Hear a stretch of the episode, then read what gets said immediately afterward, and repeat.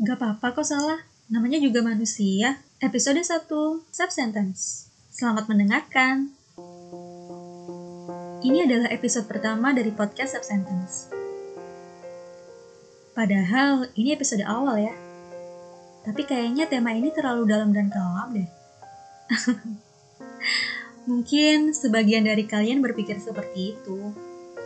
Aku memang sengaja sih mengambil tema ini karena beberapa waktu yang lalu aku sedang berada di titik itu. Yang mana aku berharap ini bisa menjadi pelajaran untuk kita semua. Semoga ya.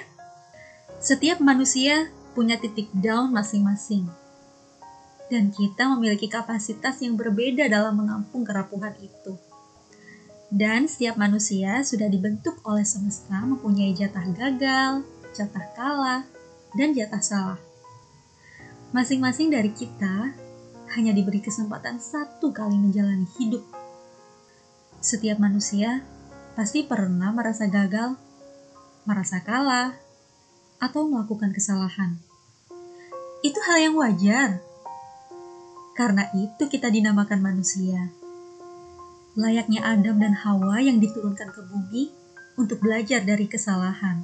Sebab ada banyak hal yang tidak kita tahu dalam hidup ini ada banyak hal yang di luar batas kemampuan kita berpikir. Kita semua sama-sama tidak punya pengalaman di kehidupan sebelumnya. Jadi, titik kita tentu sama, bukan? Maka, jangan mengelak jika diri kamu merasa pernah gagal, kalah, atau salah. Dari kisahku, aku belajar bahwa terkadang kita menganggap kesalahan itu hal yang buruk Di mana jika kita melakukan kesalahan, kita ini adalah orang paling bodoh di dunia. Padahal tidak.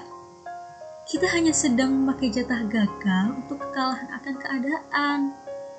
Itulah mengapa gagal, kalah, dan salah adalah korelasi yang sangat indah menurutku. Kita harus banyak mengingat bahwa salah itu cara kita melangkah lebih jauh lagi dengan kita melakukan kesalahan, apa-apa yang seharusnya tidak dilakukan telah kita lakukan.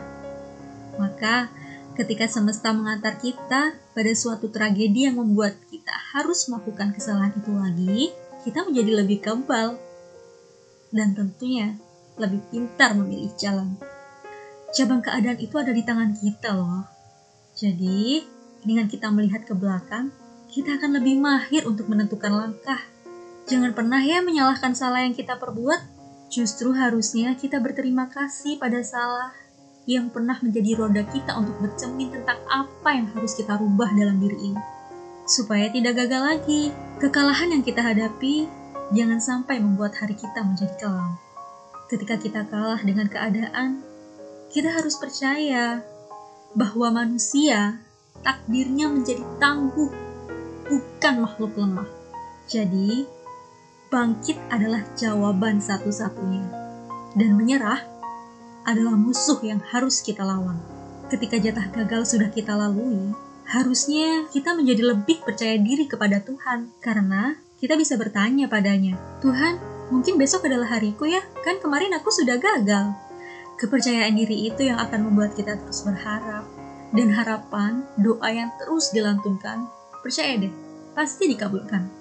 Hanya saja kita harus sedikit menunggu, karena semesta ini bukan punya kita kan. Jadi tidak boleh egois ya. Kadang setiap masalah yang datang bukan tidak ada jawaban dan jalan keluar. Kita saja yang tidak melihatnya. Jangan pernah ya bilang, hmm, nyesel deh pernah gini, nyesel deh pernah gitu. No.